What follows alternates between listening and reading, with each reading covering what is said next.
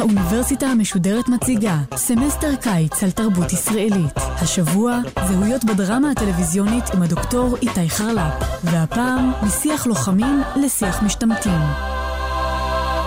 נו מה, אתם חרשים? יש ספירה, תעמדו. זה לא המשפחה שלי שמתה. אני לא עומד. זה העם שלך, תעמוד. זה לא העם שלי. העם שלי הגיע לארץ הזאת מאושר, ארמונות ופאר, והם הרסו לנו את החיים. באמת סליחה שלא הרגו גם אותנו? לא עומד. ואתה בא ואתה אומר לי שאין כבר גזענות בארץ. איך אתה משווה את זה? איך? למה מתו מיליונים במעברות? אז מה הם לא מתו? אז צריך למחוק אותנו? אה? באמת סליחה על שלא מתנו. אי אפשר לשמוע את זה יותר. אתה לא מבין שאתה רק מנציח את הקיפוח ככה? צריך להנציח. למה רק להם מותר להנציח את עצמם? כל שנה אני הייתי עומד בצפירה. אבל אחרי שראיתי שהם לא מתעניינים במה שקרה אצלי, אז הפסקתי. ואף אחד לא יכריח אותי. נאום חוצב לבבות זה של בבר זגורי, בגילומו של משה איבגי, הופיע בפרק הראשון של העונה השנייה בסדרה המצליחה זגורי אימפריה. הסצנה עוררה רעש תקשורתי ודיונים רבים שרק העצימו את הדיון התרבותי שסדרה זו עוררה. כאשר השאלה המרכזית שנשאלה, האם מדובר בייצוג סטריאוטיפי ומקביל של המזרחים, או לחילופין, בעמדה חתרנית ובועטת נגד האליטה וההגמוניה, זאת אומרת הקבוצה השלטת האשכנזית. תשובה אפשרית לשאלה זו אתן בשיעור האחרון בקורס זה, שיוקדש לזגורי אימפריה. אך אין ספק שעצם עלייתה של הסדרה לאוויר והצגת סיטואציה בה יהודי ישראלי ממוצא מרוקאי קורא תיגר על זיכרון השואה המקובל בישראל, נובעת משינויים מהותיים שעברה החברה הישראלית ב-67 שנות מדינה והטלוויזיה הישראלית ב-47 שנות שידור. קורס קצר זה יבחן מה קרה לזהות הישראלית לאורך השנים, כפי שזו באה לידי ביטוי בדרמה הישראלית בטלוויזיה, בעיקר בעשור האחרון. המונח דרמה עלול להיות מונח מבלבל כאשר אנחנו דנים בטלוויזיה. אך על מנת לפשט את הדברים, הגדיר כאן דרמה כתוכנית טלוויזיה המציגה סיפור בדיוני, גם אם הוא מבוסס על סיפור אמיתי, המגולם על ידי שחקנים ושחקניות, והנתפס לעיתים קרובות כמסמל רעיון תרבותי רחב יותר. במילים אחרות, הזהויות שאבחן כאן יהיו אמנם מומצאות ובדיוניות, אך כפי שארצה להראות, הם ישקפו אמת תרבותית עמוקה, שלעיתים החדשות ותוכניות המציאות עלולות לפספס. על מנת להבין כיצד ב-2015 מופיעה בתוכנית כל כך פופולרית דמות האומרת דברים כה קשים, אנחנו צריכים לבחון הן את ההיסטוריה של הטלוויזיה הישראלית, והן שינויים מרכזיים בתרבות הישראלית. ושיעור ראשון זה יתמקד ב-37 השנים הראשונות של הטלוויזיה הישראלית, או ליתר דיוק, בדרמה שהופקה בין 1968 ל-2005 בערוץ הציבורי, שנקרא תחילה הטלוויזיה הישראלית, ולאחר מכן הערוץ הראשון, ובערוצים המסחריים, בעיקר בערוץ השני. אבל בואו נתחיל בהתחלה, בשידור הטלוויזיה הראשון של הטלוויזיה הישראלית ביוני 1968. היום משדרת הטלוויזיה הישראלית שידור ניסוי ראשון. והנה המצעד מתחיל. חיילי משמר הנשיא ותזמורת צה"ל נכנסים דרך שער הכניסה של המצעד אל רחבת הטקסים. אמנם השידור הראשון של הטלוויזיה הישראלית היה המצעד הצבאי הראשון בירושלים לאחר מלחמת ששת הימים, אבל זה לא מדויק להגיד שתולדות הטלוויזיה הישראלית התחילו כאן. תחילה, כבר ב-1965 התחילו שידורי הטלוויזיה הלימודית, לימים הטלוויזיה החינוכית. שנית, דיונים על האפשרות להקים טלוויזיה בישראל החלו עם קום המדינה, אך רק כאשר המדינה חגגה יום הולדת 20, עלה השידור הראשון לאוויר. אבל חשוב להבין שהסיבה שחיכינו 20 שנה עד לשידור זה לא הייתה סיבה כלכלית או סיבה טכנולוגית, אלא סיבה אידיאולוגית. ראשי המדינה, בראשם דוד בן גוריון, חשבו שהמדיום הטלוויזיוני לא הולם לרוח הישראליות, ובעיקר לחברה הסוציאליסטית אותה הם ניסו לכונן כאן. פרוטוקולים של ועדות ומאמרי דעה רבים עסקו בעניין, כאשר אלו שתמכו בהקמת הטלוויזיה הישראלית ראו בפוטנציאל לאיחוד השורות בישראל, ללימוד השפה העברית, לכינון תרבות משותפת, או כמאמר השיר המפורסם שהוציאה רשות השידור בשנות ה-80, יצירת עם אחד עם שיר אחד, או לפחות ערוץ אחד. עם אחד עם שיר אחד, נשאיר לכם כי אתם לא לבד. אולם אלו שהתנגדו להקמת טלוויזיה ישראלית, ובראשם ראש הממשלה דוד בן גוריון, ראו במכשיר העלול להזיק לתרבות הישראלית, לפורר את החברה, לפגוע ביחסים בין הורים וילדים ולפגוע בתרבויות גבוהות אחרות, כמו ספרות ותיאטרון. אחד הפחדים המרכזיים כנגד הקמת טלוויזיה ישראלית היה שעולים ממדינות ערביות, או מזרחים, אולי יקנו יותר מכשירי טלוויזיה בעקבות הקמת ערוץ ישראלי, אך במקום לראות תרבות גבוהה, או במילים אחרות תרבות אירופאית אשכנזית, הם יבחרו לראות ערוצים ממדינות ערב הסמוכות, או כפי שניסח זאת יוסף בורג, המרחק בין מדינות ערב ובין ישראל על גבי מכשיר הטלוויזיה הוא חצי סנטימטר. אם תלעיט את אזרחי ישראל בתרבות גבוהה וציונית, חזקה שיסובב את הכפתור, וימצא עצמו בריקודי בטן ובשאר תוכניות קלות וקלוקלות. הרבה שלג עבר בטלוויזיה בין אמירתו של בורג וראיית התרבות הערבית-מזרחית כריקודי בטן ותו לא, לאמירתו של בבר זגורי ויציאתו נגד ההגמוניה האשכנזית. אולם נראה שחלק מההנחות התרבותיות של בורג קיימות עד היום בעמדות מפתח בתרבות הישראלית. יחד עם זאת, למרות כל החששות, ואולי בזכות ירידתו של בן גוריון לשדה בוקר, ועלייתו של לוי אשכול לשלטון, ואולי גם מתוך החשש של המדינות מסביב יהיה נשק שאין לישראל, והכוונה היא לטלוויזיה, חוקק ב-1965 חוק רשות השידור, אשר הגדיר את המטרות הראשונות של הטלוויזיה כך: לחזק ולהעמיק את זהותה הציונית של מדינת ישראל כמדינה יהודית ודמוקרטית, וכמדינה קולטת עלייה, ולשקף את חיי המדינה, מאבק תקומתה, יצירתה והישגיה. כאשר זאת ההגדרה לזהותה של הטלוויזיה, אין זה מפליא שהשידור הראשון של הטלוויזיה הוא מצעד צבאי. וגם אין זה מפליא לראות שהדרמה הראשונה ששודרה בה הייתה גרסה תיאטרלית למדי לחוברת שיח לוחמים, שיצא לאחר מלחמת ששת הימים והציגה את הייסורים של החיילים הישראלים בזמן המלחמה. אבל בשבילי הוא היה הראשון. את הקודמים לא ראיתי. ראיתי פתאום את האיש הזה שיצא מהדלת. כושי ענק. הסתכלנו רגע אחד על השני, ואז ידעתי כי עליי להרוג אותו. אני אישית, ולא אף אחד אחר. עד שפגעתי בו בבטנו. ואז הוא צנח על ברכיו, והרים את ראשו, פניו היו מכוסים בכאב ושנאה. יריתי שוב, ואיכשהו פגעתי בראש. היה כל כך הרבה דם, שהכיתי גם שבאו שאר החבר'ה. במבט ראשון, נראה שחייל מיוסר איננו בדיוק הדימוי הכי מוצלח לישראלי. אולם לעומת חלק מהעדויות שהוסתרו מהחוברת המקורית ומהדרמה הטלוויזיונית, שכללו חלקים בהם מתוארים מעשים קשים שנעשים לידי חיילים, רוב הדרמה מתארת חיילים שמתוך אנושיות ומוסר מוצאים את המלחמה קשה ובלתי אפשרית, אך בו בזמן כאירוע שאין ברירה, אלא לקחת בו חלק. לימים קיבלה החוברת את הכינוי הביקורתי יורים ובוכים. אולם במובנים רבים שיח לוחמים הייתה תופעה די נדירה בדרמה הישראלית בטלוויזיה בשנותיה הראשונות.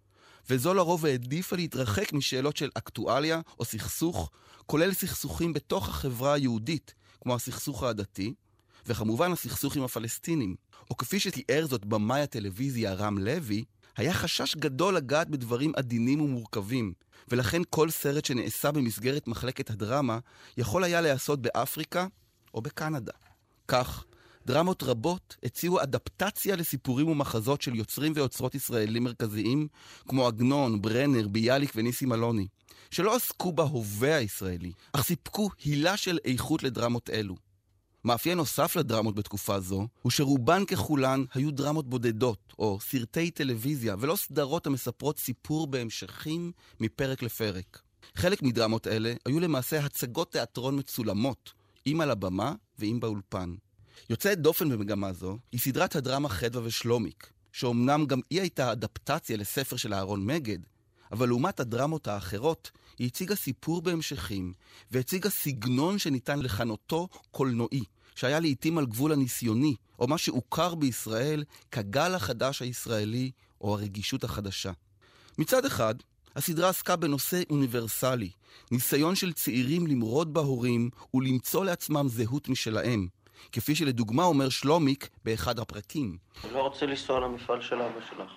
לא רוצה לתת נשיקה לאימא שלך, לא רוצה להוציא את הכפית הזאת מהתה, להוריד את הנעליים מהמיטה, לתת נשיקה לתה, להוציא את הכפית מהנעליים, לשבת יפה, להגיד מה שלום אימא שלי כמו אידיוט, נשבר לי! אך מצד שני, היא עסקה בנושא ישראלי מאוד, זוג ישראלים העוזב את הקיבוץ לטובת העיר הגדולה תל אביב, אך בסופו של דבר ו-12 פרקים מוצאים את עצמם בדרך חזרה לקיבוץ.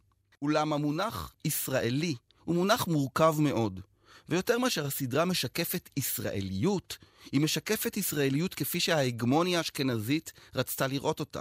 ישראליות הנעה בין הקיבוץ לבין הבוהמה התל אביבית. כאשר אתרים אחרים וזהויות אחרות, בין אם אלו דתיים, ערבים או אפילו מזרחים, כמעט ונעדרים ממנה לחלוטין. מי שמגיח בתפקיד אורח לרגע זה ז'אק כהן, המשחק מוכר בקיוסק, אשר פותח בשיחה עם שלומיק, שבשלב זה כבר הפך להיות כותב פזמונים מצליח.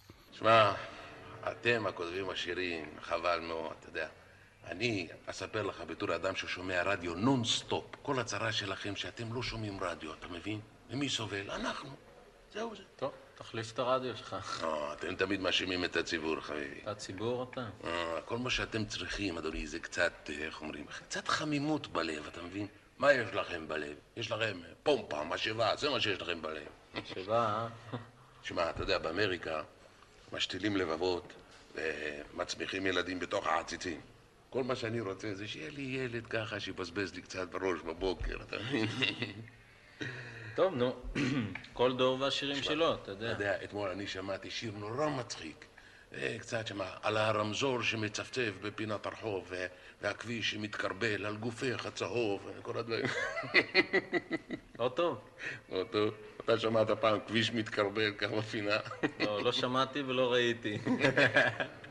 תשמע, אתה יודע מה, תגיד לי, על האביב כתבתם, על האהבה, על החורף, מה יש? זה לא בושה, מותר.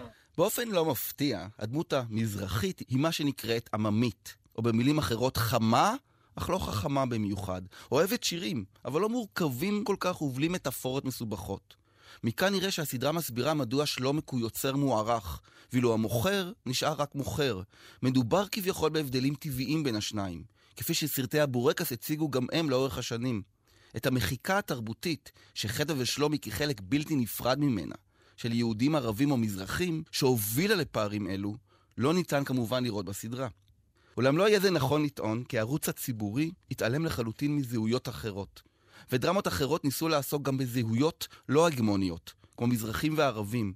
אולם דבר אחד ניתן להגיד על רובה של הדרמה בשנות השידור הציבורי. היא ניסתה בעיקר לא להרגיז אף אחד ולפסוע בנתיבים הבטוחים של הקונסנזוס.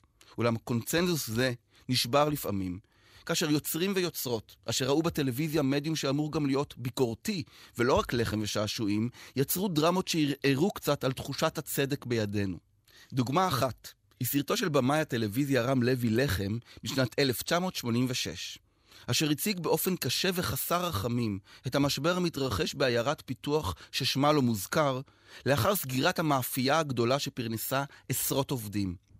כשהיא לא מספקת לא תקווה ולא עתיד, היוותה הדרמה את אחד הניסיונות האמיצים של הטלוויזיה הישראלית להתמודד דרך הדרמה עם המציאות הקשה של הפריפריה. מה אתה עומד ככה? מה אתה שותק? צעק, צעק! פיצויים!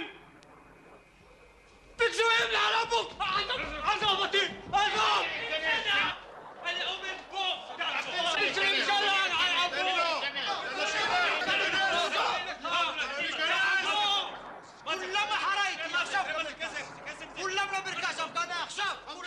דוגמה אחרת ומורכבת יותר היא הפקתה של הדרמה חיר בת חיזה, שנשענה על סיפורו של סמך יזהר, ועסקה בחוויותיו של חייל ישראלי, שלוקח חלק בגירוש פלסטינים מבתיהם ב-1948.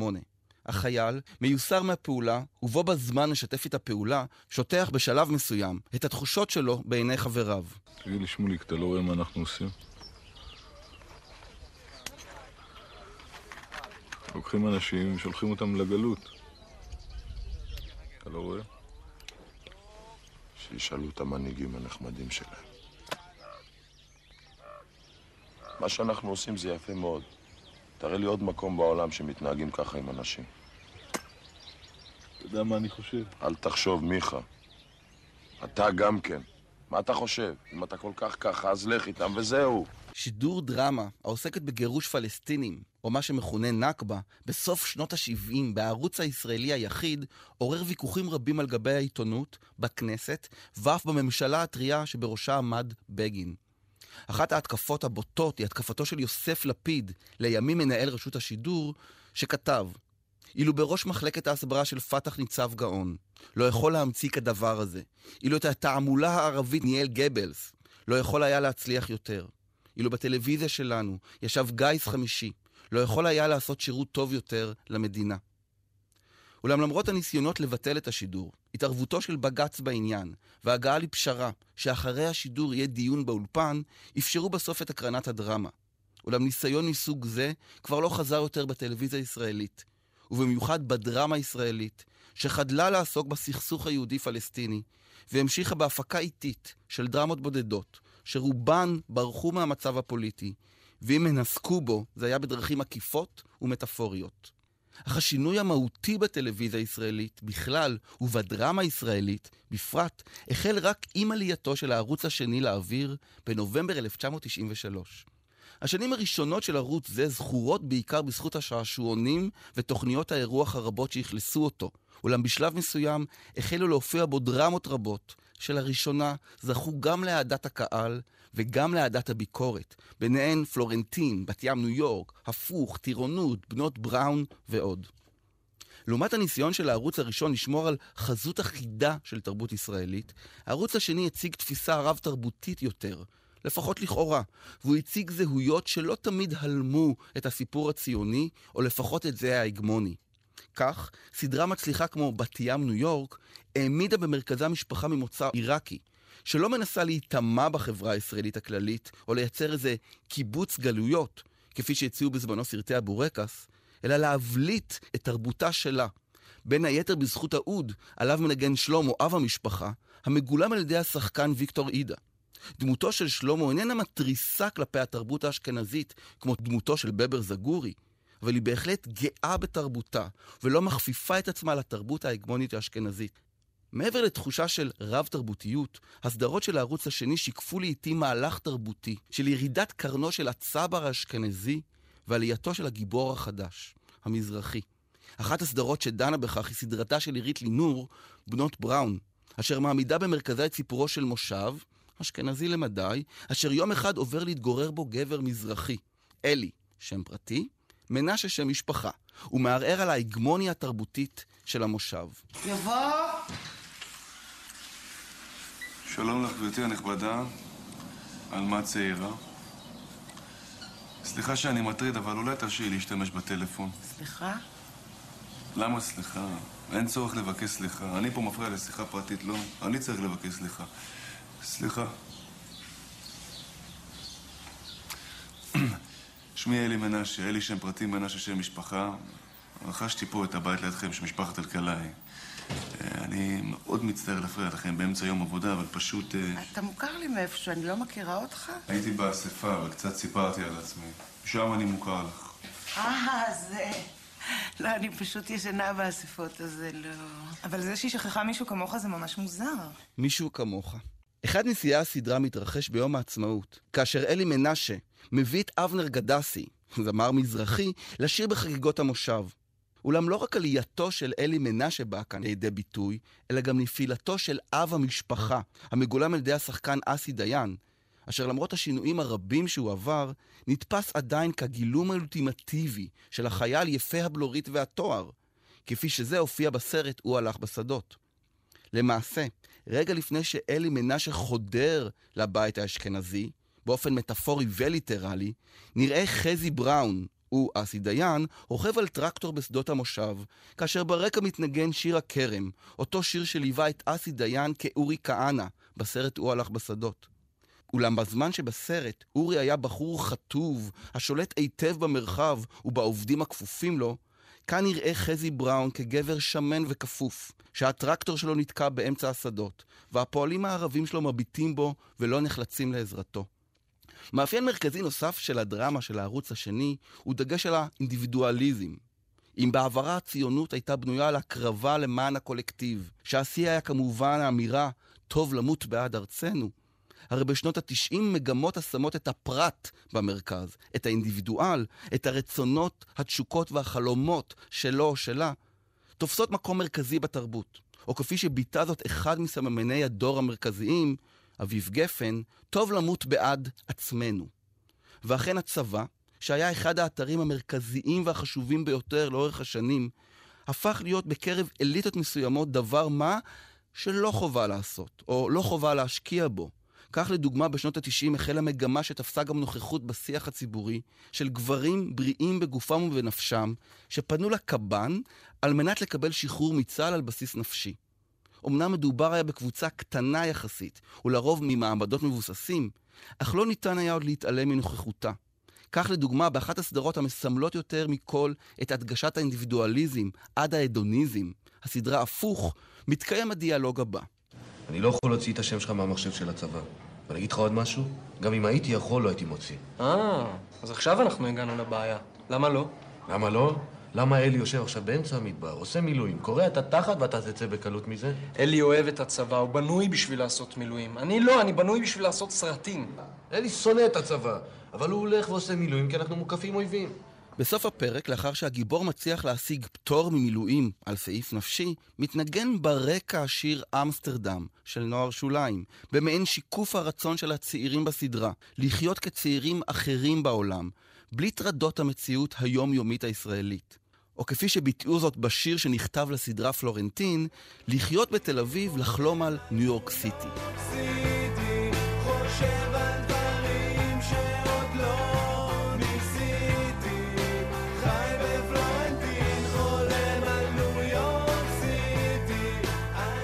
ואכן פלורנטין הייתה אחת הסדרות המרכזיות שסימנה את רוח התקופה, ושמה דגש על צורכי הפרט לפני צורכי המדינה והקולקטיב.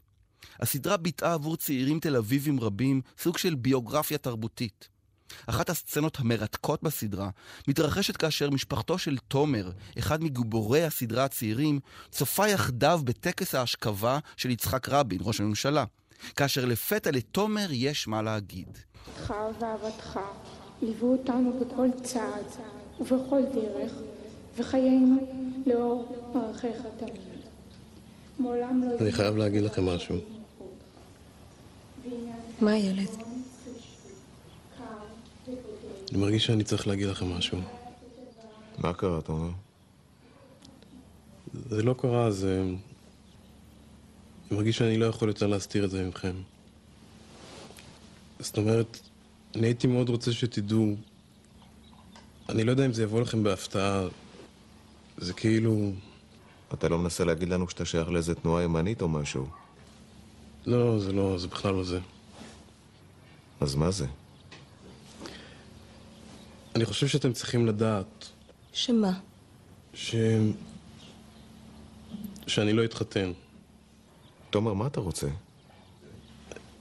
אני, אני מרגיש שאני צריך לספר לכם שאני מעדיף שאני הומו. מה? מה, מה אמרת? מה ששמעת. תגיד לי, אתה השתגעת? מה זה השטויות האלה? זה לא שטויות, זו אמת. עכשיו בלוויה זה מה שיש לך להגיד? האמירה של תומר, שסיפור חייו וצרכיו שלו חשובים יותר כרגע מהלווייתו של ראש הממשלה, והתגובה של אביו, שלא זה הזמן, איננה אמירה המבטלת את קיומה או חשיבותה של המדינה. היא אפילו לא אמירה ביקורתית על המדינה, אלא רק רצון לשים את החיים האישיים בקדמת הבמה. במקרה זה, הזהות המינית של הדובר, זהות מינית שמדינת ישראל רק בתחילת שנות התשעים החלה לתת לה מקום לביטוי. אולם למרות השינויים בזהות הישראלית, שהדרמות בערוץ השני כוננו או שיקפו, חשוב לזכור שבמובנים רבים הערוץ השני לא היה שונה מאוד מהערוץ הראשון במשהו אחד לפחות. הרצון לשמור על קונסנזוס. הרי הערוץ השני ניזון מפרסומות, ופרסומות ניזונות מקהל מרוצה ולא מקהל כועס או מעוצבן. ולכן במובנים רבים, ערוץ 2 ניסה כמה שפחות ליצור פרובוקציות, וכמה שיותר לשקף לקהל עולם ממנו הוא יכול להיות מרוצה. חוקר הטלוויזיה נועם יורן כינה את הערוץ השני הממלכתיות החדשה, כאשר הוא טען שערוץ 2 לא ביטל את הממלכתיות של ערוץ 1, הוא פשוט הפך אותה להרבה יותר מבדרת, או בניסוחו, ערוץ 2 החליף את ערוץ 1 ככלי משוכלל יותר ומותאם יותר לזמננו, המשרת את המדינה וההון במידות שוות של יעילות. אחת הדוגמאות הבולטות לכך היא הסדרה טירונות, שלא רק נעשתה בשיתוף פעולה עם הצבא, היא גם הובילה לעלייה מרשימה בכמות המתנדבים לגבעתי, החטיבה שעמדה במרכז התוכנית. מה שמעיד על האמפתיה שהסדרה ודמויותיה יצרו. אולם הממלכתיות החדשה, שעדיין מאפיינת את רוב רובן של הדרמות בערוץ הציבורי ובערוצים המסחריים, פינתה את מקומה בעשור האחרון לדרמות אשר העזו לערער על הקונסנזוס, ולספק נקודות מבט חתרניות, ולעיתים אף כואבות. אבל על כך, בשיעור הבא.